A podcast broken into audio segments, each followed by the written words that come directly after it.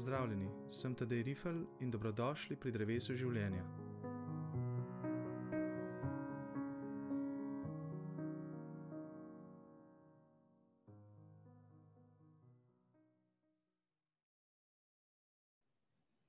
Popolnost.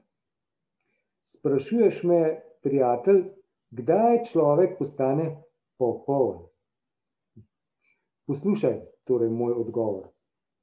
Človek gre proti popolnosti takrat, ko začuti, da je sam vesolje brez meja, da je morje brez obali ogenj.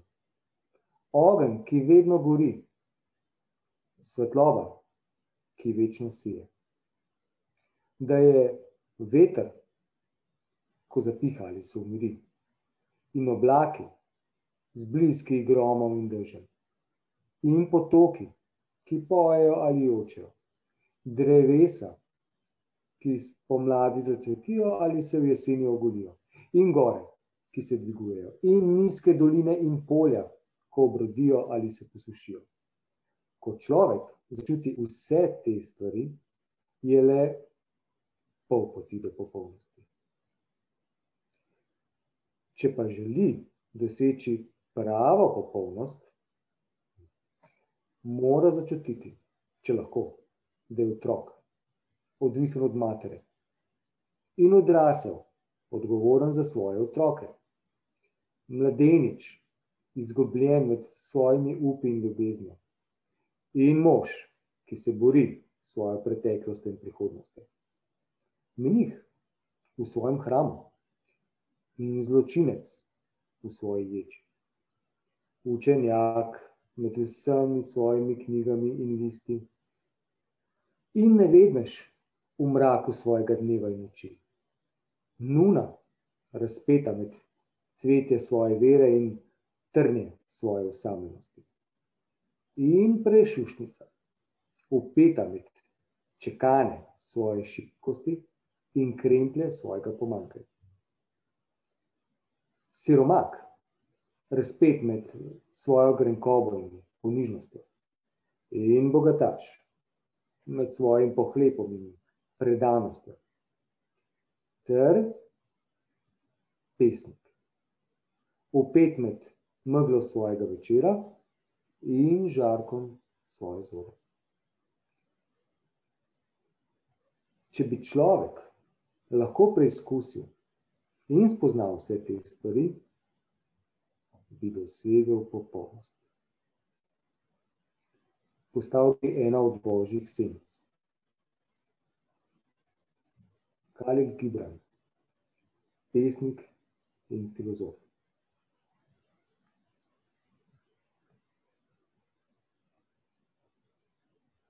Tako, hvala, Klemen, za tole čudovito branje.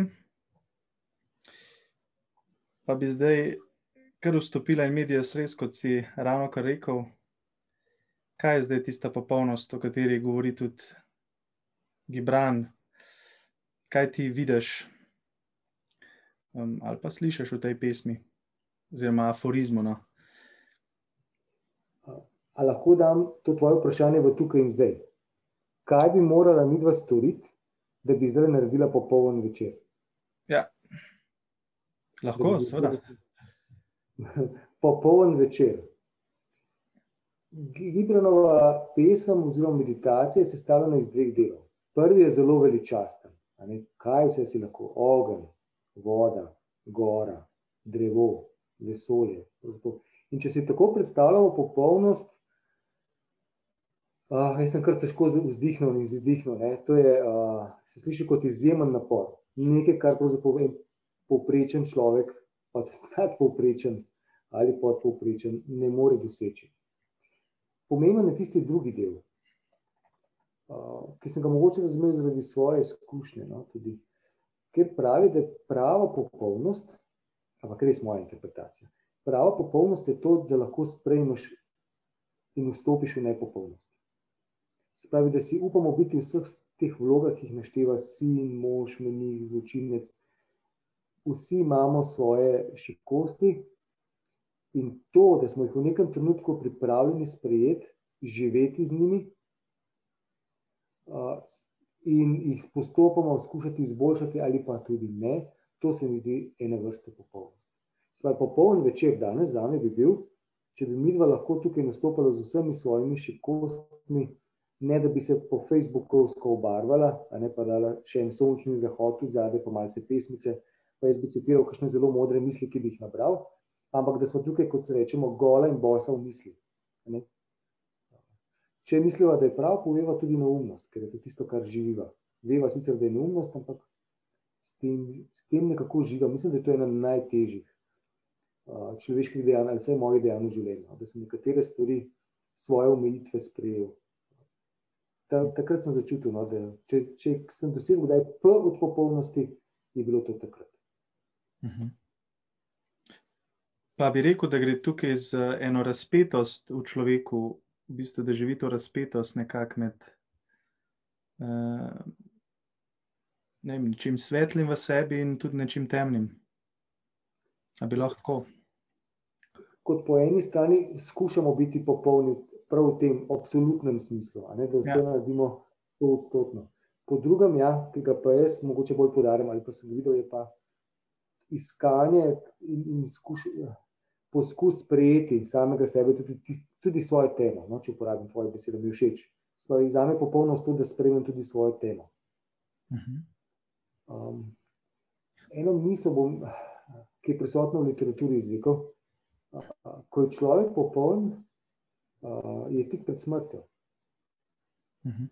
Oziroma, je um, nikoli ni bolj umrljiv ali pripravljen na smrt, oziroma, bom rekel, celo primoran umreti, kot je trenutno, ko je popoln. Kaj ti, kaj lahko še doseže po tem življenju, kaj, na, čem, na, na čem naj še dela, kako naj se še razvija. Uh mhm. -huh. Lahko preveč izhajam iz ideje, da smo tukaj, uh, za vsaj sebe vidim tukaj zato, da se na en način izpopolnjujem sebe kot osebo oziroma v odnosih z drugimi. In če sem popoln, kakšen smisel je, se vse doseženo. Uh -huh. Kakšen smisel ima teči maraton potem, ko si ga pretekal. Uh mhm. -huh. Ja, jaz v, v, prvem delu vidim to kozmično razsežnost, ko sem tudi z dijaki o tej pesmi, kot praviš, ne, m, govoril, ne, v drugem delu pa to bolj osebnostno razsežnost popolnosti. Ne. Um, ne, v bistvu postajati del kozmosa, ne, kot neka, ne vem, potopiti se, če smemo uporabiti eno prispodobo, pač v to svetovno dušo ali pa v dušo vesolja. Ne kot celote, hkrati pa se potaplja tudi v to človeško dušo, ne duševnost, oziroma v te eh, like, ki živijo vseh nas. In sem bil vesel, no, ker so dijaki odkrili, da ne gre za meniha samo kot drugo osebo, pač v enem samostanu, ampak da gre tudi za meniha v meni ali pa za ne vem, tam le za koga drugega, ki, ki bi pač živel tudi delček mojega življenja. Ne. Pa se mi ustrašiš? Se ne ustrašiš tega prvega dela. Meni se sliši, bom direktor. Ja. Zelo grandi, grandiozen, v tem skoraj patološkem smislu. A ne bom gora, bom morje, bom ogenj, ne bom imel meja. Vuf. Jaz, se, jaz sem se raje zatekel potem v tisto bolj človeško, ja. drugo podobo pesmi. Ja, zagotovo.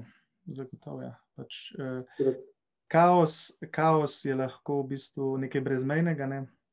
red, je vedno, red je pa vedno omejen in v bistvu, um, mislim, nisem imel občutka strahu, imel sem v bistvu bolj občutek um, ta vzvišenosti, ampak vse to je tudi tremendum. To je lahko tudi ta strah, ki je v bistvu presegajoča. Um, pač v prvem delu si jaz želim v bistvu postati, um, postati gora. Ne? V bistvu jaz tukaj bolj vidim v sebi um, eno hrepenenje. Ne? Um, pač ta polet, polet duše, če, če se skoraj reče, malo patetično. Ne. V drugi je pa pač realizem, ne je pa realizem. To, to pa sem in to moram sprejeti, in jaz se tle totalno najdem v, tvojih, eh, v tej tvoji interpretaciji, da eh, je človek popoln še takrat, ko se sooči s, oziroma sooči. Ko sprejme, v bistvu je boljša beseda svojo nepopolnost. Ne oziroma ta svojo temo mi je kar všeč kot metafora. Um, tiste dele, ki pač jih nekako.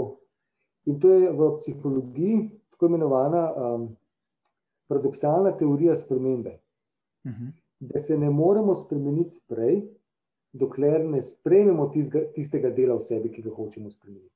Svaj šele, ko se sprijaznimo z neko svojo bolečino, šibkostjo, nepopolnostjo, šele takrat nastopi možnost, da se v resnici spremenimo. Uh -huh kar je ena, mislim, ena močnejših teorij v psihologiji, v psihoterapiji zelo deluje. No.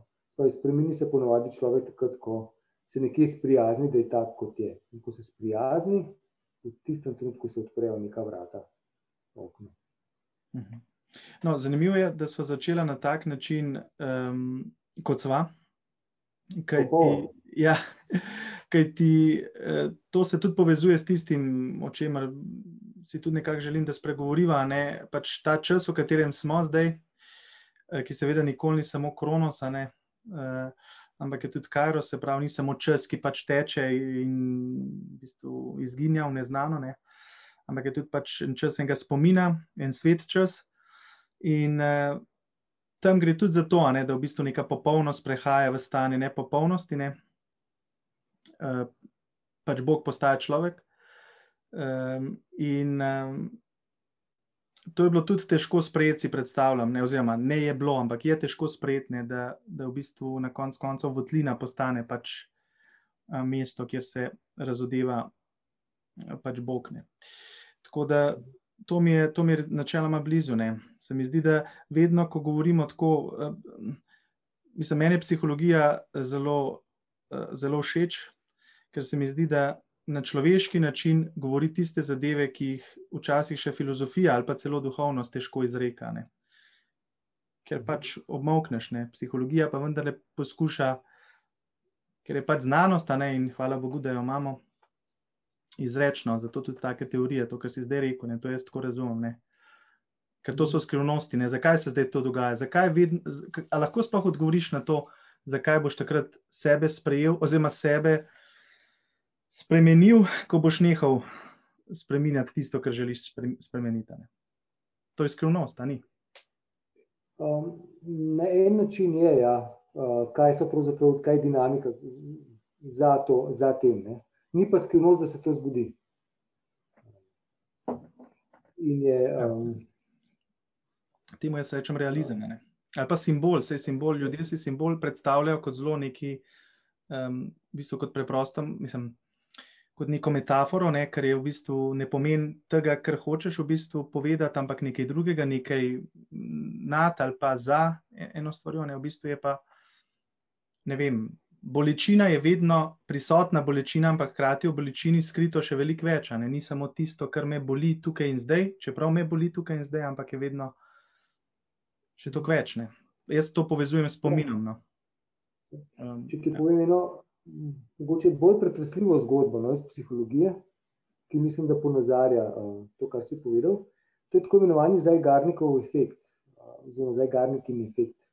Uh, to je bila psihologinja, uh, ki je živela v času Sovjetske zveze in ona je um, nekega dne šla v restauracijo skupaj s svojimi uh, prijatelji in navdušilo je to, kar ponovadi navduši nas vse, ko gremo v restauracijo. To, da pride na takar, sprejme tistih 10-15 naročil, niti zapiše jih, ne, gre, prinese in da točno tistemu človeku, od katerega je dobil naročilo, in gre spet naprej uh mhm. -huh. k novi mizi. Ali. In jo je usupnilo, to, kako si lahko človek toliko zapomni. Uh, in ga je na koncu, uh, ko so odhajali, je stopila do tega natakarja in mu rekla: Poslušajte, a, a vi se še spomnite, kaj smo mi naročili? Rekel, ne, v trenutku, ko končam, pozabim ko končam nalogo. Takrat je no, nekaj presvetlilo in sicer, da ljudje pozabimo, uh, oziroma nekaj odmislimo, kar nas teži ali pa kar nam daje naloga, v trenutku, ko smo nalogo opravili. Uh, to je bilo pa tudi zelo povezano potem z eno življenjsko zgodbo, zelo, zelo pretresljivo. In tukaj se bližam temu, no, kar sem začutil.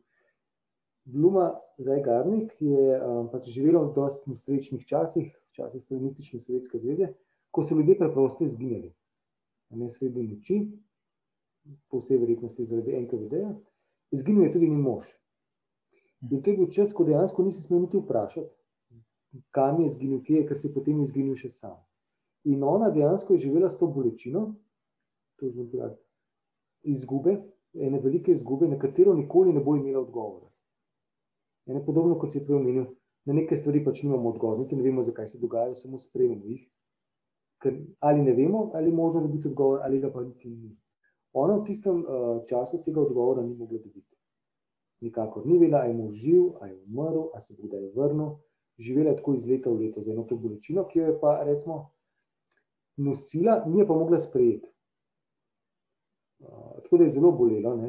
Um, potem je pa nekega dne, no, je videla, da pač ona tako ne more več živeti s to bolečino in je nekako se odločila, da jo bo sprejela. Uh, da, se, da bo sprejela to, da nikoli ne bo izvedela, kaj se je zgodilo z njenim možem, in da bo sprejela tudi to, da ga nikoli več ne bo videla. In uh, ta ritual je potem upravila tako, da je šla uh, po vseh ljubih krajih, kjer je bila z možem, kjer ga je spoznala, uh, kjer sta doživela kakšne lepe, čudovite trenutke. Šla je in se poslovila vseh tistih, na vseh tistih krajih in zaključila to zgodbo. Smo sprejela, kot ta natakar, če pa vzemi banalno, ne, zaključila in šla naprej. To ne pomeni, da ta bolečina je izvenela, ampak nekako je sprejela to lastno nepopolnost oziroma nepopolnost družbe, v kateri je grozovitost, grobost, zato da je lahko šla naprej. No, sem, a, ni to, a ni to zanimivo, da se te vzorci, dobro, jaz tudi reč, več, večkrat rečem v razredu, bom dal banalen primer, ampak banalen ni za mene beseda, ki bi bila, se pravi, nekaj drugega od tistega, kar želim povedati, ampak je pač tok pozunanjen primer, ne, ampak kaže isti vzorec, Zdaj, ta zgodba, ki si govoril, njena osebna zgodba je veliko bolj seveda, pretresljiva in bi rekel um, poglobljena, ne, ali pa v bistvu za njeno življenje odločujoča, kot pa seveda eno naročilo v eni restavraciji, ampak vzorec je pa isti. Ne? Uh, ja. zakaj, zakaj, zakaj je tako, da v bistvu. Ne, recimo, ne vem, Heraklit, 8. ali 7. stoletje pred Kristusom. Ne, pač, globine eh, človeške duše eh, ne moreš spoznati. Ne. Ta, eh, pač duše ne moreš spoznati tako globok logos ima. Ne. Recimo, ne. Ampak govori o človeški duši, on ne govori zdaj o, o duši, ne vem, um, kot nekem, ne vem, ne vem, kot nekem pojavu, ki je pač ne vem, ali pa neko. Ne, celo tako ne, ne govori v bistvu o imenu za skrivnost, ampak govori o nečem, kar se nam, tako jaz to razumem, ne, kar se v bistvu, kar mi doživljamo, ampak seveda teh ravni jaz lahko doživljam isto par bolečini. Telesna bolečina je po moje zunani izraz nekaj veliko bolj um, pač odločilnega. Ne. Zato tudi, zato tudi določeni ljudje, ne, ne vem, jaz veliko ljudi poznam, ki trpijo na telesu, ampak so pač duhovno ali pa duševno, no najprej, izredno močne osebnosti. Um, ali pa jih pač bolečina ne, ne priza, prizadene v tem smislu, ne, da bi jih to dotaklo. Ravno zdaj, en mesec nazaj, je um, umrlo eno dekle, oziroma mati, žena, treh otrok, toliko starih, ki jih imam sam, um, za rakom. Um, in to je bila pač ena neverjetna, neverjetna duhovna moč, ne, kakšne stvari je ona v bistvu ob tem odkrivala in tudi drugim, drugim dajala. Mm, mm, pač v, tem, v tej agoniji. Ne. Ne, hkrati v bistvu nepopol, totalna nepopolnost, njeno telo pri dobrih 30-ih, totalno v bistvu uničeno, ne, um, vsem idealom, ki jih sodobni svet pač uh, gradi, a ne seveda nasproti. Um, ampak hkrati pa pa vse tisto, ne, kar si človek, po mojem, želi eni, ne, za svoje življenje, bilo pa pri njej izpolnjeno. Ne. Ja,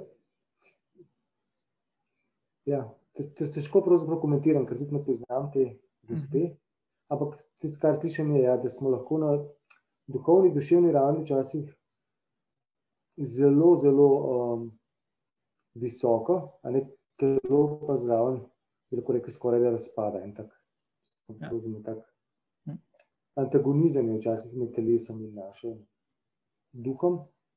Uh, ni, ni, ni tako preprosto, da bi. Oziroma, um, lahko povem eno stvar, ki mi je prišla zdaj na misel, ki me pravzaprav jezi tukaj. No? Um, Um, ja, me, me kar poezija. No, um, Staje nek, uh, ena močna trditev, pa močna teza, da je rak um, učna pot ali šola, kako rečem, duhovna šola, ki ti ponudi in se nekaj naučiš. In um, tisto, kar me ponovadi poezilo, s tem se lahko strinjam, jaz mislim, da vsaka bolezen, vsaka bolečina te spodbudi k nečemu, kar um, mogoče prej nisi niti pomislil in ti je zaradi trpljenja kot tako, če ga vidim funkcijo trpljenja, je ravno to, da je eno učinkovito urode za dviganje naše zavesti. Ker smo zelo zainteresirani za to, da je trpljenje mine in če to pomeni, da gremo na višjo zavest, pač gremo. Uh, izjava, trditev me pa izziv v tem delu, ko um, pravijo, da ja, sem se moral nekaj naučiti, ne, pa sem potem preživel. Kaj to pomeni za tiste, ki umrejo, da so bili slabi učenci? In ta del me, uh, proti temu delu, ponovadi protestiram. Rečem. Banaliziramo, če rečemo, da je to učna pot kot neke vrste izpit, ki ga moš narediti, če ga narediš, preživiš, če ga ne narediš, pa umreš. Ne, ravno ta zgodba, uh, ki se je pripovedoval, kolikor sem razumel, kar je poznam cilje, je, da ona ni bila neumna učenka, ampak nekdo, ki se je ogromno naučil, ki je duhovno zelo napredoval, kljub temu je pa umrla. A sem prav razumel, ne, ne glede na to, da je bila duhovno izjemno močna, izjemno močna. Ja, ne, sem, njenemu, ja, ni pomagalo. Ja, dve stvari ste zdaj tukaj. To, zdaj, recimo, to je tudi moč, v bistvu, tisti, ki so to spremljali, ne so bili v bistvu pod tem vplivom, ampak dejstvo je, da to je taka tragika, ne, kot je recimo tragika ne, nekoga, ki, mm, ki naredi samomor, ne, neka misel, mislim, da je od Tomasa Mana. Ne. Mislim, da je Tomas Mann, v razrednem sovražniku je, je ta misel, ne, da v bistvu tisti, ki, ki potem ostanejo, ne, uh, so v bistvu enako pač žrtve tega, tega v bistvu procesa. Ne. In tukaj zdaj, seveda, je trenutek, a ne spet uh, pač nek trenutek milosti, Kajrosa, ne se pravi milostnega časa da človeka ponese, ampak hkrati pa, hkrati pa bodo prišli, pač tema in svetloba se vedno, vse ko smo na zemlji, se bosta pač um, prelivali. Ne? Pač ne bo zdaj, ne, men, mene recimo misel, um, ki me tako spremlja, je pač. Um, pač Če si popoln pred drugimi, in uh, končni fazi pred smislom vsega, pred Bogom, ne, ne misli, da je zdaj ta tvoja popolnost dokončna. Ne, uh, in se ne ponašaj s tem, če si pa ne popoln, pa tudi ne misli, da si zdaj pa največji slabič in da si totalno. Ne, ampak si to, mhm. kar si pred drugimi in pred Bogom. In to me, recimo, ta realizem, recimo, mene. Mene zelo dviga. Ne? Nisi nekaj več in nisi nekaj manj, ne? ampak si to, kar si ne, z vsemi um, plusi in minusi, ne, če tako rečem, zelo, zelo mogoče zdaj smo banalizirali. Ampak eno drugo stvar sem hotel reči. Ja. Misel, ki me zelo tako iz evangelijev nagovarja, je, ko Jezus vpraša, ali ta, um, tam je šlo za nekega bolnega, ne, uh, farizeji ga tako skušajo, ne, ali je zdaj grešil on, da se mu je to zgodilo, ali so grešili njegovi starši, ne, ali se to prenaša iz roda v rod, ne, da so zdaj ne vem pa so lahko te zgodbe tudi lahko zelo aktualiziramo. Vem, je bilo v družini prej kaj, ne vem, nasilje, alkohol in tako naprej, in potem ljudi zaradi tega trpijo in prenašajo, ne, čeprav so v bistvu sami čist nedolžni. Ne, gremo lahko v to. Ampak on pravi, ne, nista grešila, ne starša, ni grešil, ne ona, ne, ampak um, se je pač to mu zgodilo, da se pač uh, pokaže na njem pač božja dela. Ne. Zdaj, Jaz mislim, da te logike ne gre razumeti samo v tem smislu, da je uh, zdaj bo nekdo tam trpel z neko boleznijo celo življenje, kakšno življenje bo to, uh, in pol bo umrl, ne, ne vem, pri 30-ih, wow, ne, super, uh, super, ne, zdaj se je nekaj tukaj razodelne. Um, ampak seveda pač v logiki, ki gre tudi preko tega, ne, preko tega življenja. Drugač, po mojem, nima stvar smisla. No. Po mojem, da tukaj logika hiter, um, ne vem, zgubi svoj smisel. No, Meni se, men se, men se ne zdi, ne vem. Uh, Meni se tako, kot je že Sokrat učil, ne? zdaj, če bi bilo vse, kar je v življenju, samo to, kar je bilo do njegove smrti, ne? ali pa tako klavrno, kot je on umrl, ne, pač, ne vem, kakšen smisel bi imel pa vse to. Ne? Mhm. gremo malo dlje od popolnosti, jaz se še držim, pa se vračam, ker mi je Ja. uh, tema. Um, ja, mislim, da ta drugi del Gibranove pesmi tukaj pravzaprav se vračava, pa ostajava. Ne? Ta človeška nepopolnost je v enem smislu popolna, če jo nekje sprejmemo, doživimo, razumemo, tudi pri Sokratu, kakorkoli je bil precej nepopolno življenje, uh, je bilo to za človeštvo en izjemen um, trenutek, ne, kjer nam je nekaj dal. Me pa zanima, ker veš, na, na enem delu smo na nasprotnih bregovih, dobiva se v tej nepopolnosti, ne, ki jo lahko sprejemamo. Um, ali doživljaš kot kristijan Božič kot popoln praznik? Mm, zdaj se mi malo izval. Um, jaz bi rekel, um, da ja, samo začetek enega, začetek popolnosti. No? Mhm. Začetek popolnosti, ne, ki se v bistvu s tem. Mislim, zdaj ne vem, ali je tukaj, če je božična skrivnost, ne, zagotovo je za me to pač. V bistvu mi je sporočilo, mi je pač popolno sporočilo, ne pač božje utelešenje. Ali pa recimo, um, to je zanimivo, ne beseda, v bistvu logos, ne tam govori Janes, ne beseda, spet beseda, ne, ki se utelesna, kaj zdaj to pomeni. Ampak čist na drugi ravni mi pomeni tudi popolnost. Ne, meni, Kot sporočilo, ja. ja, na tej ravni, kot otrok, ki sem doživljal to, ne, to temo, pa luč, ne, to je, jaz sem eh, zelo nagnjen k temu, da sem uh, um, v teh zimskih mestih sem tako malo otožen. No. Eh, Pač ta narava mi ni, mi ni ravno, pač, eh, ko je tako hitro tema. Ampak potem s to lučjo in s to liturgijo li- luči, in s tem, ko je bila v bistvu temo, ko posije luč, to mi pa izredno lepo. Ne. Eh, Pa ni v bistvu, čeprav imam najraj poletje, ne, um, ampak mi je ta luč, ki pa v totalno temo zasije, ne, to mi je pa v bistvu nekaj najboljžga. Ne. Uh, tako da na doživljajski ravni je to v bistvu popolno, za me čistko iz, izkušnja. Ne. Ali pa recimo, če ostaneš tudi zelo zgodaj zjutraj, pač ne vem, poleti, ne, eh, pač, ali pa kadarkoli drugič, no, um, ampak ta pač, eh, ko je v bistvu najbolj temno, ne, sej najbolj temno ne bi bilo v trenutku, tik preden vzide sonce. Um, Zanimivo mi je, da si um, zdaj govoril o dveh delih. En del je krščanski del Božiča, kjer praznuješ božje utelešenje. Ja. in Je, je popolno sporočilo, oziroma neko zelo uh, optimistično, svetlo, svetlo sporočilo. Ne? Nekdo prihaja, ki, uh, ki nam lahko veliko pomeni. Ampak hkrati si pa govoril o nečem, kar je pa lastno pravzaprav celotni kolektivni človeški izkušnji. In to je trenutek, ko svetloba premaga temo. In to se zgodi prav v tem času, okrog Božiča. A Ne, v tem si pravzaprav ta del ti je bil še bolj pomemben. Uh, pa me je po svoje malce zmedlo, ne? ker Ja, uh, ja, Božič glej, razumeš širše. Ja, zato ker pač, eh, recimo, no, če sem zdaj še bolj oseben, jaz sem se v doktoratorjih s tem ukvarjal, da obstaja neka splošna bogočloveškost, ne, raven, kjer se Bog, Božje, recimo eh, Božja sfera združi s človeško in je neodvisna od kulture in zgodovine, ne tudi neodvisna v končni fazi od krščanstva. Ne. Uh, ampak znotraj kulture pa imamo določene podarke tega združenja ne, med uh, sfero Božjega in sfero človeškega. Ne. Recimo, ne vem, v Grčiji je to pomenilo, da je bil modrec, ne je bil tisti posrednik med Božjim in človeškim. Recimo, še bolj nazaj so bili to kralji. ne. Ampak potem so ljudje, recimo v Egiptu je bil en tak prelom, s tem sem se ukvarjal, so hitro ugotovili, da ni kralj samo posrednik, ampak da je vsako človeško bitje, v bistvu vsaka človeška duša je na koncu pač se tehta njena, dob, eh, se pravi, dobra in slaba dela, ne, in v duši se dogaja ti zboj med dobrim in zlim, ne med božjim, človeškim in tako naprej, ne, zemeljskim, recimo. Ne.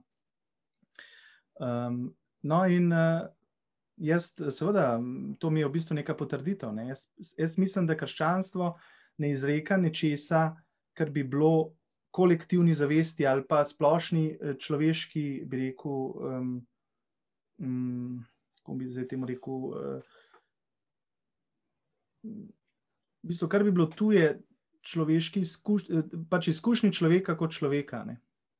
Ampak v bistvu to potrjuje na neki, bi rekel, zelo um, zelo direktni ravni. Jaz se spomnim enkrat enega um, avtorja, ki ga zelo cenim, no, ki je pač rekel, da um, z božjim utelešenjem božja skrivnost ni postala nič manj uh, skrivnostna, ampak je ostala skrivnost, hkrati pa je v konkretnih gestah pač Boga človeka, Jezusa Kristusa, ne, uh, pač postalo evidentno, ne, če bi bil Bog na zemlji, oziroma če, če je bil Bog na zemlji, potem je ravno tako, je umival recimo učencem noge, je recimo dvigal tam vem, grešnico, je ne vem, ozdravljal, ozdravljal bolnike. Veš, se pravi, uh, tako kot imaš sonce, pač ostaja sonce, ne, ampak pač eni žarki bolj pro, pro, prodrejo do, ne vem, do, bi rekel, um, zem, zemlje. Ne. Ampak sonce pa še vedno ostaja sonce in ga lahko uzremo iz različnih delov sveta. Um, Z tega vidika je ta izkušnja svetlobe bolj univerzalna. Tako. Že zaradi, že zaradi tega, ker je prisotno tam, kjer ni krščanstva in tudi pred krščanstvom. Tako. Ne, baviva, da je ta moment božiča pravzaprav prisoten uh, v večini religij oziroma duhovnosti sveta, tako ko gre za ta prelom. In če govorimo o popolnosti, ne, če se vrnem, jaz pač božič gledam kot uh, nekrščanski pojav, pač tisto, kar meni pomeni, ni nikoli zraslo z krščanstva. Uh, in ga paradoksalno vidim, da je svetloba takrat postane popolna. Um, namreč, ko smo pregovorili, da si ne. Svetlobo lahko dojamemo šele skozi temo. Prej si rekel, je najtrša tema, preden se pojavi. Uh -huh oziroma preden zide sonce. Uh, nič ne bi vedeli v svetlobi, če ne bi bilo teme. In svetloba postane nekje nam najbolj draga, najbolj ljuba, prav v tem času, ko jo začnemo ceniti, ko začnemo ceniti dan, ko začnemo ceniti vsak žarek sonca, ki posije. In tisto, kar me potem bega, ne, že v tej misli je, um, svetloba je tisto, kar imamo radi, ampak tema je njen uh, drugi obraz teme, tem, tema to svetlobo omogoča. Če ne drugega omogoča, to, da jo razumemo. In to je zopet en tak, še takrat postane nekaj popolno, no, oziroma se približa te popolnosti s temo. Uh, in je zopet ena taka paradoksalnost, o kateri ja. govorim, če lahko sprejmemo temo, ne, postanemo popolni, postanemo svetli. Jaz samo zdaj, tako kot naj poslušam, pa tudi mislim, tebe, predvsem pa tudi samega sebe. Ne, jaz to temo um, jaz to temo ne, dož, ne doživljam, sploh ne doživljam zdaj, ko se zavedam. Ne doživljam neki kot um, tisti klasični. Mogoče sem tudi sam bil tukaj nepozoren, ko sem rekel, dobro, pa zelo ne. To je to klasično, ne, to klasično nasprotje. Ampak jaz mislim, da tukaj se to, se to razbije. Ne. Tukaj ni zdaj eh, zelo tema, dobro pa svetloba. Ne. To bi bilo preveč, po moje, preveč uh, ne preprosto, ampak. Um, ne vem, ne, ker zdaj, če rečemo, tema omogoča svetlobo, s tem se jaz seveda strinjam, ne, ker šele v temi spoznamo. Recimo, za mojo duhovnost je, ne, recimo v, v nekem ne vem, trpljenju ali pa celo v grehu, ne spoznaš v bistvu um, pač delovanje um, pač milosti v življenju. Um, ne, zato v bistvu ni. Določene usporednice so, se strinjam. Ampak, ja, tema ni more biti zdaj absolutno zla. Ne ne more biti absolutno zla, ne, ampak je v bistvu samo, uh, v bistvu je nujni pogoj. Ne. Nujni pogoj je, najprej mora biti nekaj temno. Mislim, pa tako mi je zanimivo, ne, to jaz, dijaki, velikrat eh, pri tem se kar ustavim. Ne, eh, pač, ne vem, odčutov edino oko, ne, oziroma vidne, mm, pač potrebuje nekaj tretjega. Ne. Mhm. Ne, se pravi, posod drugot je dovolj, da imaš ti neko zmožnost in predmet, neko lasnost. Ne. Um, tukaj pa rabiš v bistvu vir svetlobe, ampak je spet v bistvu, kdaj to spoznaš. Ja, ko je v prostoru ali pa nekje zunaj, ko je pač temno. Ne. Um, tako da to, to, to mi je zelo blizu. Ne, pač, um, ne vem, takoj, takoj, ko si začel. Ja kar, kar povej. Tega niti ne želim primerjati. Ne, se, um, upam, da, ni, da ni bilo um, mišljeno. da, da ni bilo mogoče razumljeno, kot da sem napeljeval, da gre za usporednico med Mhm. dobrim in slabim in svetlobo. In, Ne, se to sem jaz No. napeljeval, to nisem. To sem jaz, Ja. zdaj, zdaj ko sem Ja. samega sebe reflektiral. Ne. Tisto, kar je pomembno, je ta, ta tematski okvir, ne, popolnosti, da nekje najbolj dojamem svetlobo kot popolno, ali pa nekaj, s čimer težim, takrat, ko, iz, ko je tema izjemno močna. In hočem to analogijo, usporednico, ki jo pa delam, pa je, uh, pa je res uh, povezana s tem, kako mi rastemo. Ne, da takrat, ko sprejmemo svojo temo, iz nas posije svetloba. Tako bi rekel, ko sprejmemo en svoj temni del, takrat uh, postanem paradoksalno bolj svetu, kot sem bil. Čeprav sem, ko sem se soočil s svojo temo, no? ko sem jo sprejel, da sem temna oseba, postanem bolj svetu. To je nekaj, kar me bega, ne? kar si prej rekel, oziroma si dobro vprašal, ali imamo odgovor, nimamo ga. Ne, racionalnega ne. Ampak se zgodi in je zelo prevedljivo. A Ne, ko se človek zave, ne vem, da vam banalen primer, sem alkoholik, ne, in je to prva stopnička, da bo on šel k svetlobi, rečemo, da bo sprejel zdravljenje za alkoholizma. Še najprej si bo moral priznati in sprejeti, da je alkoholik. Potem bo lahko naredil Ja. nekaj naprej.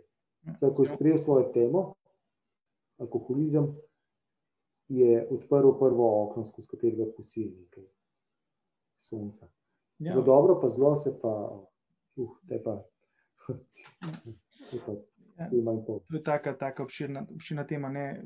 Ja, oziroma obratno, ne, ko, ko človek zanika, ne, več čas, ko zanikamo. Ne. Spomnim se tiste, tiste prigode z žirafo, ki je padla v, v živi pesek. Um, tako je pač malo karikatura, no, en tak filmček je.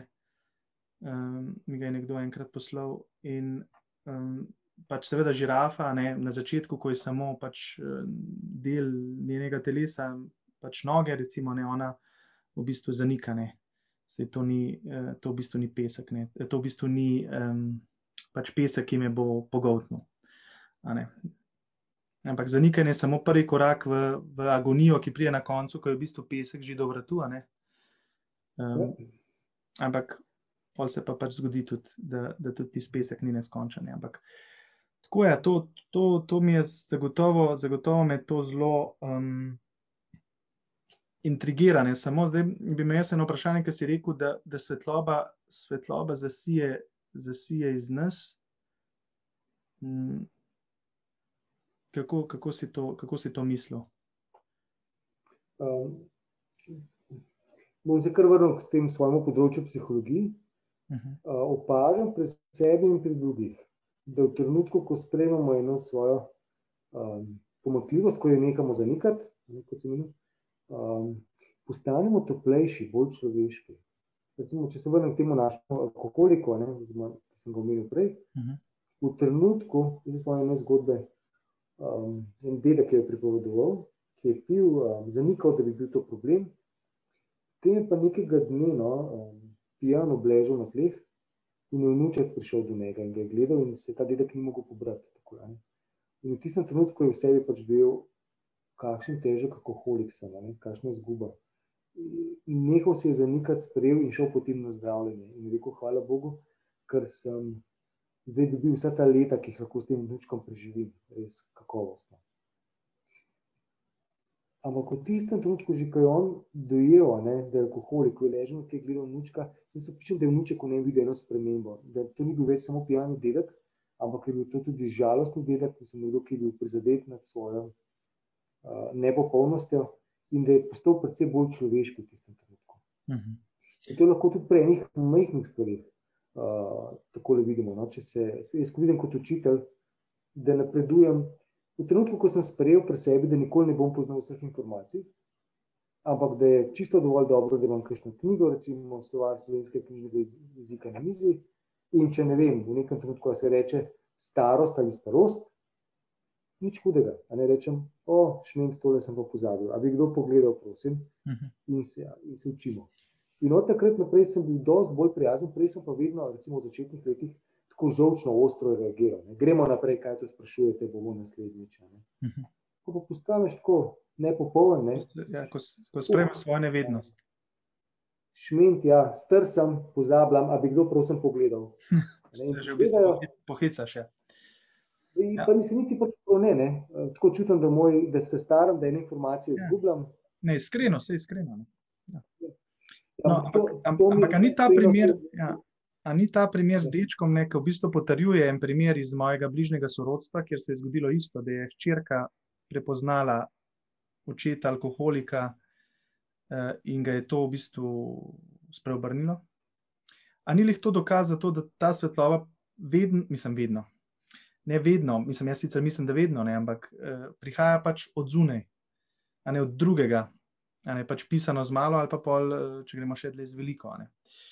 Um, tako, to, to je ena stvar, ki se mi je, ki se mi je tako, ki se mi je tako zastavljena.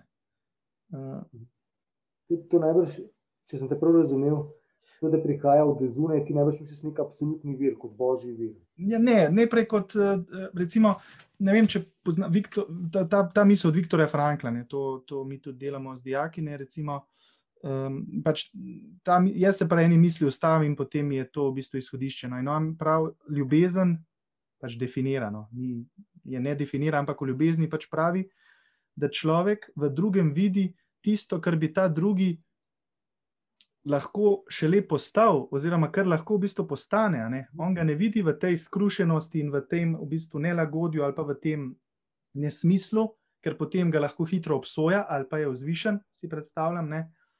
Um, ali pa je tudi zadržan, ne? ljudje smo tudi zadržani, kaj bom jaz zdaj drugega sodil, pa tako ne, čeprav to je meni zelo tuje. Ne? Sej jaz ti ne povem, da nekaj delaš narobe, zato ker bi jaz delal prav, ampak zato ker mi je mar za te. Uh, Ampak ne, jaz ga vidim v bistvu, lej, recimo, ne vem, dedek, ti v bistvu nisi alkoholik, ne, ti si v bistvu lahko rešen tega. Ne. V bistvu veš, da vidiš ta in to mene zelo navdihuje, pač videti človeka kot bitje prihodnosti, če pač mhm. uporabimo to časovno dimenzijo. Ja, ja. Oziroma, videti uh, njegove zmožnosti. Zmožnosti, ja. ja kot učitelj, smo s tem vsakodnevno soočeni. Tak klasičen primer je dijak, dijak ki pi, uh, in seveda rečemo, fino, ne, da si pisal pozitivno, ampak vse veš, da je to daleč od tvojih sposobnosti in zmožnosti. In darov. Mm. A si s tem zadovoljen? Zdaj, on reče, jaz sem, ta del me pač ne zanima, a ne obliko slove, ali sem ustalniško besedo, ki ste jo razlagali. Pač pisal sem 70 odstotkov dovolj, to me res ne zanima. In rečem, v redu. Če pa vidim nekoga, ki je pa nadarjen za nekaj, vidim, da ga veseli, pa je krepko kot zmožnostmi, potem se pa seveda začnemo točno s tem ubadati kot človekom prihodnosti. A boš tukaj vstal ali lahko kaj storimo. Je pa ta, ta sploh moment drugega izjemno pomemben, recimo v terapevtskem procesu. Že Janez Rugel, recimo, ki je zdravi alkoholike, skračen, on ni hotel delati, če se jaz prav spomnim, ni hotel delati uh, samskimi, ker je rekel, da je njihova prognoza zelo slaba da so najboljše prognoze uh, na podlagi izkušenj tisti, ki so opali. Uh, šele tam nekje damo toliko več od sebe, tudi motiviramo se za konec drugega. Ne samo, da on vidi, da je to zaradi te zmožnosti. V filmu še je restenje in zelo lep odlomek, uh, kot dekle je tam, mislim, da so krki, in so v kolpi, se pogovarja in govori o svojem možu in pravi, moraš imeti nekoga, da zjutraj vstaneš in si umiješ zobe. Mhm. Kdo je zdaj ta drugi, to je lahko že potem drugotno vprašanje, če se malo pošalim z besedami. Ta drugi v nas, ja, ali uh, nas na nek način dviguje. No? Tudi pri odvisnikih, zdravljenih odvisnikih je znano kar nekaj primerov. Če so se zaljubili, ne, da jim je to dalo en, tako energijo, polet, moč, da so izpeljali to težko nalogo. Mhm. Ja, čeprav mi je zanimivo, ne, mislim, ta rugljeva misel mi je sicer tuja, ne, ker eh, jaz ja. eh, že želim, na, jaz bi pa ravno tistim pomagal, ki nimajo v bistvu dobre diagnoze. Um, ampak tukaj, tukaj, če bi sprejel ja. svojo nepopolnost, ja, to bi bilo dobro. Da na število nesrečnih izkušenj, ki jih ima, da preprosto ne more človeku reči, ja. pomagal ti bom. Ja, seveda, ker je lahko potem za njega tudi to traumatično, da mu nekdo ni mogel pomagati, čeprav je nek strokovnjak. In, in ja, manipulativno, ne, če sprejmemo v zdravljenje, ja, pa hkrati vemo, da je to slabe izkušnje. Ja, to je to res. Ja, to res ja, hvala za to dopolnitev. Ja. No, ampak mi je res. Franklov, Franklov primer mi je zanimiv, ne, ki ni imel v bistvu nikogar, če so mu praktično vse eh, nacisti pobilne. Mm. Uh, ampak kje je on zdaj najdel to drugost, ne, eh, ki je ni imel konkretizirane v neki osebi, ne, ampak jo je pač našel v. Um, pač to mi je tudi fascinantno, ne biti samemu sebi ta drugi, ki si v bistvu eh, pomagaš. Ne, kot da si v bistvu ti v totalni temi, se kako bi drugač bil, če si pač v koncentracijskem taborišču. Ne, um, v bistvu je padel mrak na tvoje življenje, ne, hkrati, pa, uh, hkrati pa si ti tista lučka spet. Ne, um, To je ena, ena dimenzija, druga dimenzija je pa ta, ne, iz tega spomina. Ne, recimo, ne, na, recimo, jaz nimam več uh, živega očeta, ne, ampak um, oče pa za me je. Ne, ni, zdaj, um, ni to samo neka, ne vem, uh, ne vem, nek spomin, tako bi rekel, ki, ni, ki ga več ni, ne, ampak je v bistvu tudi spomin sedanjosti ne, in prihodnosti. Ne. A veš, da te v bistvu tudi ta misel na druge, mislim, da ima Frankl tam nekje v tam, mislim, tistih knjigah, no, mislim, da ima to, da ga je to gnalo naprej, da bo to naredil za te. Um, za te pač, ljudi, pač za sorodnike, ki so mu bili dragi, ki so izgubili življenje, on ga, on ga pa zdaj ne bo ne, v tem breku, um, v tej agoniji. V bistvu vračamo, vračamo k tisti misli, ki so prepodarjali. Pač delamo za nekoga drugega, delamo v odnosu. Kdo je zdaj ta drugi, je pa veliko vprašanje. Lahko je to neko konkretno človeško bitje, lahko je pa tudi nekaj, kar smo ponotranili neko bitje. Ne. Uh, recimo, jaz imam nekaj ljudi, ki sem jih v življenju zelo spoštoval in sem jih ponotranil. In vem, da če, če bi delal nekaj slabega, ne, mi že ta njihova notranja podoba tako pogleda, ne, da ne ja. morem mirno živeti. Ja. Pa jih ni zdravo, pa nisem v odnosu, ampak sem v notranjem odnosu z njimi in mi to preprečuje, da bi nekaj storil, kar je že tudi zaradi njih. No. Kdo je ta drugi, je lahko ja, drugotno vprašanje. Kako? A bi lahko rekel, da so ti ljudje neki, neke vrste, pa če uporabimo to klasično besedo, neki tvoji, dobro, lahko so ne vem, neki daimoni, o katerih govori Sokrat, ne, lahko je neka vest, o kateri govori pač sodobna etika, ampak ne vem, meni je bolj všeč ta tradicionalna simbolika, so to neki tvoji angeli varuhi na nek način. Ne v tistem pač klasičnem, spet krščanskem smislu, ampak pač tako, v bistvu Eh, sim, uh, simbolika, ki je za tem. Bitje, ki je resnično in je del mojega življenja, in mi ne samo nekaj pomeni, ampak me tudi varuje pred nečim. Ne? Kar si rekel, zdaj zelo, zelo direktno si rekel, da, da, da si pred njimi v bistvu nekdo, ne? da si v bistvu postavljen pred njih. Ne? Če bi ne vem, tako sem razumel, če bi nekaj naredil ali pa nekaj izrekel celo. Ne? Ja. Zdaj, to, to, kaj so, ne, je za me zopet, vidi se, no, da sem šel skozi gestalt psihologijo. Ene stvari sprejemam, ne da bi vedel, um, kaj v resnici so, ampak jih presojam na podlagi tega, ali iz mene delajo boljšega človeka. In če naredijo boljšega človeka, me niti ne zanima potem toliko izvor. Boljši človek pomeni, da sem mirnejši, toplejši, um, bolj spremajoč. Uh mhm. -huh. In ali so to angeli, varuhi ali kaj drugega, je za me že pretežko vprašanje, ki me bolj zmede kot uh, pomiri in sem slabši človek, če se v to poglabljam. Ker, um, ker se zgubljam po tem. Preprosto, vem, en, en izmed teh oseb, ko povem, je moj trener v atletiki, ne, ko sem treniral sedem dolge proge, izjemno moder človek, um, tudi z zelo težkimi življenjskimi preizkušnjami. In vem, če storim kaj slabega, je tudi on nekje v zadju. Ne, ne bi rekel, joj, če bo pa on slišal, kaj sem storil takega, ne, um, pa, s tem pa bi jaz ne mogel živeti. Jaz, ne, um, težko bi živel s tem. Odkot se je tako zalezel vame, ne, odkot je tako močna podoba, kaj to predstavlja, ne vem. Vem pa, da je zelo močno in da predstavlja nek moj moralni korektiv. Ne nekaj, kjer začutim, da um, drugega ne smem pustiti na cedilu, tudi zaradi sebe. Upam, da ne zveni preveč. Ne, jaz to totalno razumem. Pač jaz sem samo malo šibak v tem, ker se pač ne znam najbolj izraziti, mogoče kdaj ne. Ampak jaz govorim seveda o vzorcih, eh, poimenovane so za mene tudi drugotnega eh, pomena. Ampak vzorec je za me pač nekaj realnega. Ne? Se pravi, da je v človeškem življenju so osebe, ki dejansko um, ja, varujejo.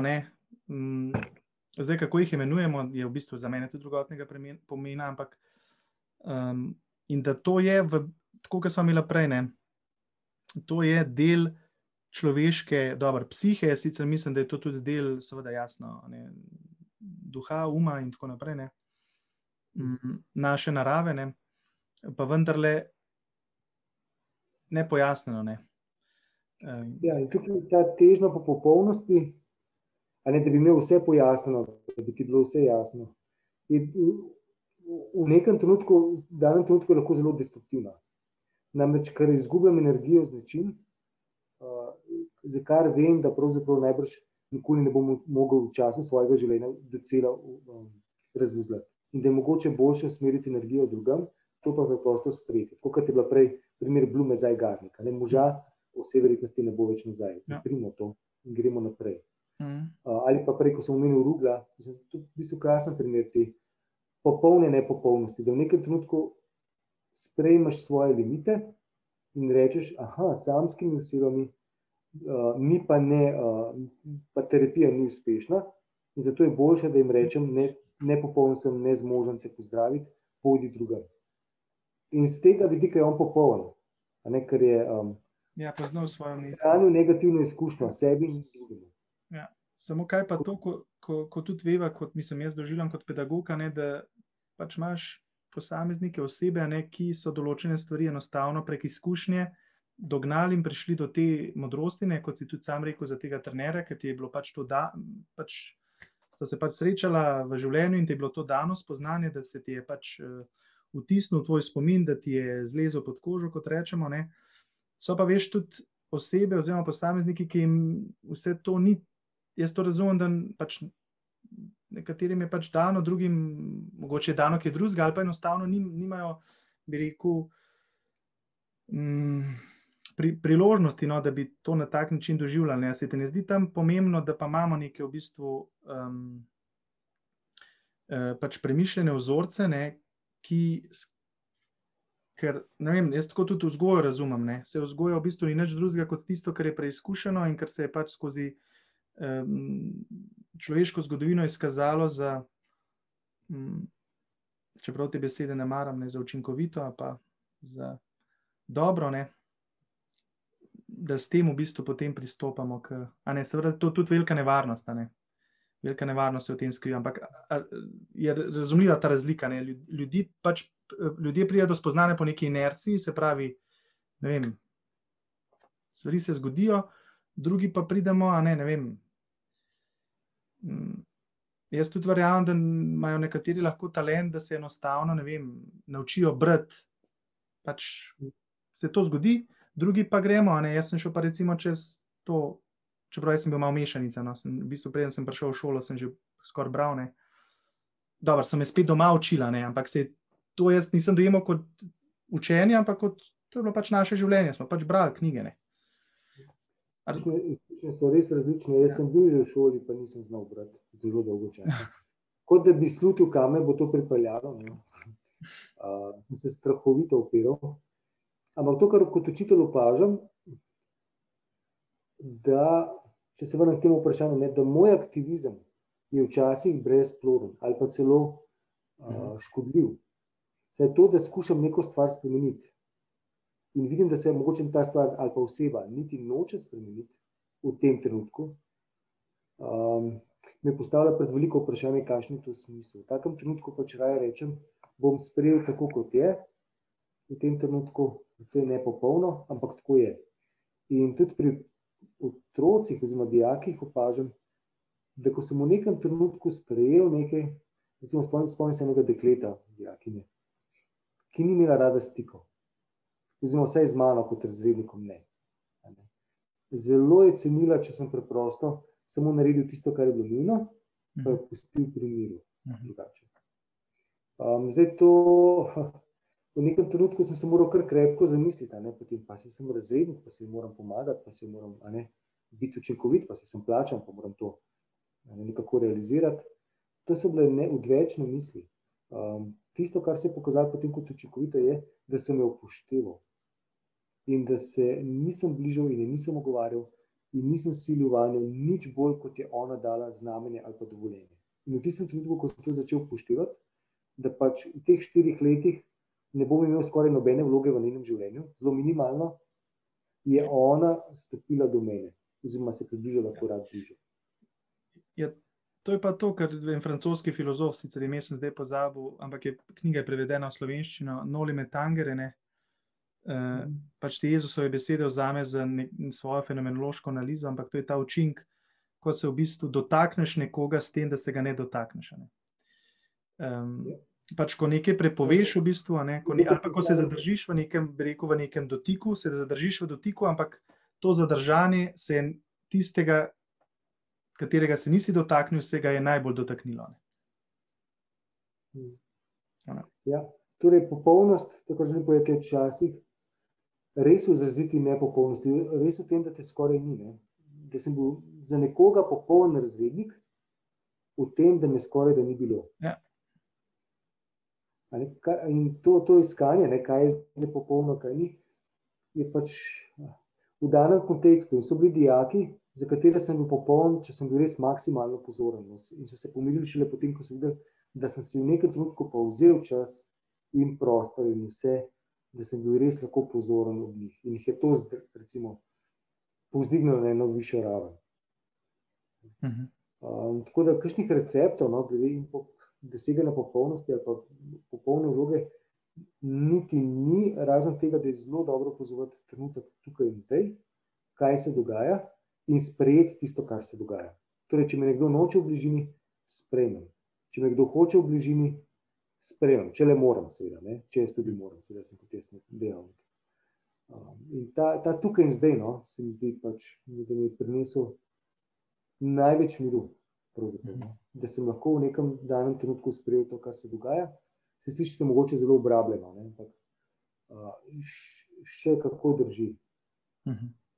Ja, zanimivo je, da so zdaj prišla v bistvu tudi do tega, kar sem ti takrat predlagal, ne, da bi se tudi mogoče v vzgoji, oziroma v tem spremljanju pač, eh, mladostnikov, oziroma ne, dijakov, Eh, pač mogoče kaj izrekla. Ne. Zdaj, um, da pa vendarle ne bo ta najem pogovor um, se preveč zavlekel, čeprav meni se nikako ne vleče. Vendarle... Mislim, da bo, da bo zelo nepopoln, če bo uh, preveč dolgočasno. Ja, tako se... je zato. ja, sem to je v bistvu pot potem do popolnosti. Um, eno stvar bi pa reče vprašal, no, s katero sem tukaj v bistvu imel zamišljeno, da bi, da bi začel. Ne. Um, mi dva se v bistvu zdaj prvič v živo vidva, čeprav smo rekli, da, oziroma si rekel, da to ni čist v živo.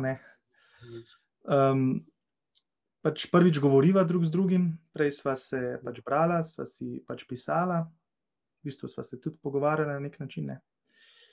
Um, zdaj, seveda, to je spet skrivnost, ki je zdaj to srečanje, ne, ki se to zgodi. Ampak ne vem, rad bi slišal mogoče še tvoj pogled, oziroma kako ti vidiš ta moč, moč besede. No? To, to, me, to me pri tebi, moram reči, no, čisti iskren. Um, poleg tega, da si učitelj, predavatelj, um, oče, ki veliko uh, kolesari s svojimi otroki, uh, pisec. Uh, zdaj, da, upam, da ne bo zvenelo patetično, no, ampak za me si predvsem en poslušalec in opazovalec v teh tekstih, no, ki jih pač pišeš tam na blogu. Um, opazovalec eh, človeka, ne človeške duše. Tudi. In kako zdaj ti gledaš na to zapisano, moč zapisane ali pa tudi govorjene besede? No? Kje, um, kje, ne vem, kje vidiš nekako, bi rekel, to po eni strani pomankanje, nepopolnost, kje pa vidiš tisto popolnost, po kateri tudi sam krepeniš. V besedah, misliš v govorjenju, pisanju? Ja, pisanju, govorjenju, tako, ta, kje vidiš to, to skrivnostno močno? Um, jaz upam, da bom razumljiv, kar bom povedal. Um, moč besede vidim v tem, da znamo oceniti, kdaj je mok ali pa kdaj je mok božji kot beseda. Uh, mislim, da je to ena modrost, ki jo pogrešam v tem času, v tem trenutku da um, je beseda v bistvu prepogosto izrečena, samo zato, da prekrije tišino in nek mok, medtem ko bi morala biti beseda izrečena res samo v trenutkih, ko mora nekaj povedati. Meni je recimo zelo fasciniralo, no, navdušilo me je, ko sem gledal uh, film, nastal po zgodbi Pežikova Vorenca. Um, to je bilo, kako je že, v glavnem, zdaj mi je všel naslov ven te novele, ampak dogajajo se prizorov v gostilni, kjer so ljudje sedeli za mizo in nič niso govorili. Danes, katerikoli prostor stopimo neke buči, uh, ne, muzika, ljudje se neprestano pogovarjajo. Uh, celo vidim, da zelo težko ljudje ostanejo v tišini tudi z drugim. Tako da, um, če govorijo o, o moči besede, tako lepo se mi pohvalil, hvala. Če jo imam, jaz mislim, da imam zato, um, ker znam molčati. Mhm. Pa še to ne, um, pa še nisem zadovoljen s tem. Um, ampak da znam presoditi, kdaj je beseda samo skuša prekriti tišino, pa kdaj je pomenilo, da je izrečena. A je razumljivo? Kaj? Ja, mislim, je to pa spet nepopolnost v bistvu besede. Je tišina, ampak hkrati pa v bistvu popolnost, ker se z besedami tako določenih stvari ne da. Um, Tako kot smo prej rekli, tukaj pa mislim, da lahko analogijo povličem. Uh mhm. -huh. Recimo, da je svetloba beseda, pa tema tišina. Uh. -huh. brez, brez sod, brez vrednostnih oznak, brez plusov, minusov, kaj je kdo, kako beste nujni. In mislim, da je beseda takrat, ko zraste iz tišine, kot svetloba, ki pride iz tam. Takrat je svetloba res svetloba, ko, ko ima temo. Da prižigati luči sredi belega dneva, um, to je pa to govorjenje, ki ga danes poslušam. No? Prižigamo luči, to je že svetlo. To to je norost, ja. vse to že niče, niče že to tako. To je, to je, to je blebetanje, um, ogromno nekega blebetanja. Ker je v redu, jaz nimam nič proti blebetanju ali pa govorjenju ali pa govoričenju, ampak da se tega zavedamo. Da smo z nekom prišli malo poklepetati, pa bo pač malo govorila o, o tem, kako je Olimpija nesrečno izgubila z Mariborom. Ne? To je v redu, ne pa, pa se malo krasno, pa lahko je tudi, tudi globok pogovor, konc koncev. Uh mhm. -huh. Veliko izrečenih besed, ne, ne, to je novodobni cinizem. Jaz ga opažam tudi pri um, najvišjih predstavnikih v politiki. No? Da govorijo zato, da bi nekaj prekrili, ali pa tišino, ali pa neko pomembno sporočilo. In to so zelo visoke leteče besede, to so krasni govori, ampak čutim pa neverjetno praznino v njih. Zdaj ne govorim levici, desnici, da ne bo. Ja, mislim, da je kar porazdeljeno. Tu je močno, ja, da prikriješ v bistvu neko, v bistvu neko nepopolnost, s katero se nisi soočil. Ne? Ja, popolnost pri izražanju je res, ja, mogoče to, no, da o nepopolnih stvarih govorimo z nepopolnimi besedami in, to, um, in se ne pretvarjamo, da je karkoli več in ne skušamo prikriti tišine, kadar je nujno potrebno. Uh mhm. -huh. To je ja. nek, nekaj, kar sledim. No? Da, če je kakšno besedilo zanimivo, je mogoče to zato, če čisto konkretno povem, ker sem deset prej jih nisem niti povedal, ker, ker bi zbanalizirali ali pa bi izčrpali to, kar sem hotel povedati. Luč prižgem, ko je noč. In včasih je treba počakati cel dan, ne, da prije noč. Takrat prižgemo luč.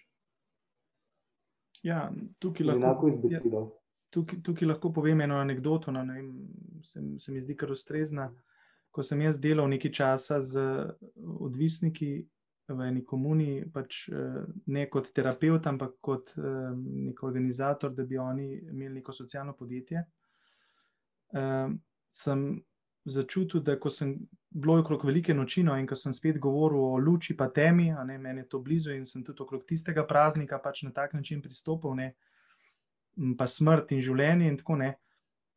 Sem začutil, da so me določeni fanti, no, pred dveh sem to zelo močno čutil, da so me totalno razumeli, ne, eh, te moje, bi rekel, bolj teološke ali pa filozofske um, pač izpadene, eh, pa niso bili, vem, da niso bili pač neč v to smer. Um, neizobraženi ali pa niti niso imeli te izkušnje. Ampak zakaj so razumeli? Ne? Zato, ker so imeli v bistvu neko, eh, pač neko izkušnjo ne, te, eh, te teme. In zanimivo mi je zdaj tono, če zdaj še povežem z eno drugo stvarjo.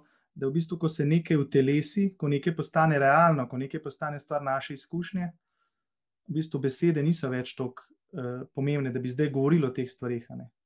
Vse, ko se v bistvu nek, nek smisel, ne, logos, ne, ko se pač v telesi gre v bistvu za, gre v bistvu za pač tišino, jaz dojemam ne samo de, definitivno kot uvod v smiselno besedo, ampak tudi kot končni rezultat um, pač vseh besed. Ne. Ne, kaj ti pomaga, če mhm. govoriš stokrat, da je treba ženemu dati kozarec vode, nisi pa sposoben tega narediti? Um, hkrati pa, verjetno iz nekega globokega mavka, ne, vznika tudi spoznanje. Lej, brez veze, da govorimo o teh stvarih, mora imeti akcijo. Ne. Tako da to prelivanje med tišino in govorom se mi zdi, no, tako jaz ga povezujem, seveda, tudi eh, s tem zdaj praznikom, ki bo, bo čez dva dneva. Um, in spet, ne, tako si me izval takrat in mi, to mi je taka popotnica. Seveda, je, jaz mislim, da je tukaj nek splošen vzorec, ne, um, da se pač nekaj temeljnega dogaja za sveta. Ne, in pač mi, kristijani, imamo seveda nek svojski podarek tega. Ne, kdo drug pa, kdo drug pa pač drug eh, svojski podarek. Ne. Mm. Ampak se mi zdi, da so te stvari na eni zelo temeljni ravni, da so, da so zelo, m, mm, bi rekel, um, pač usmišljene, no, da ni kar nekaj. Ne. Um, ja, vsi, da, ja. Eno zgodbo sem se spomnil, glede te tišine, pa besede vmes, ko si povedal. In je, um, to je zgodba krščanskega duhovnika, komu je že imeola, ki piše tako kratke zgodbice, ti najbolj poznaš.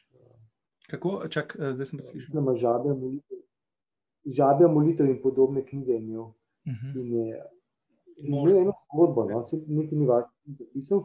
Bil je duhovnik, mislim, da je delal v Braziliji, uh, skrbel je neke vrste, um, kaj bi rekel, sirotišnica ali pa um, center za mladostnike, kamor so pripeljali uh, fante, predvsem fante, uh, s kar težko preteklostjo.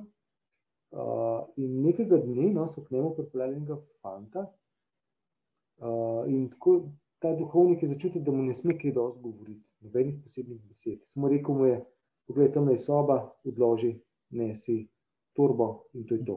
Mhm. Niste se pogovarjali.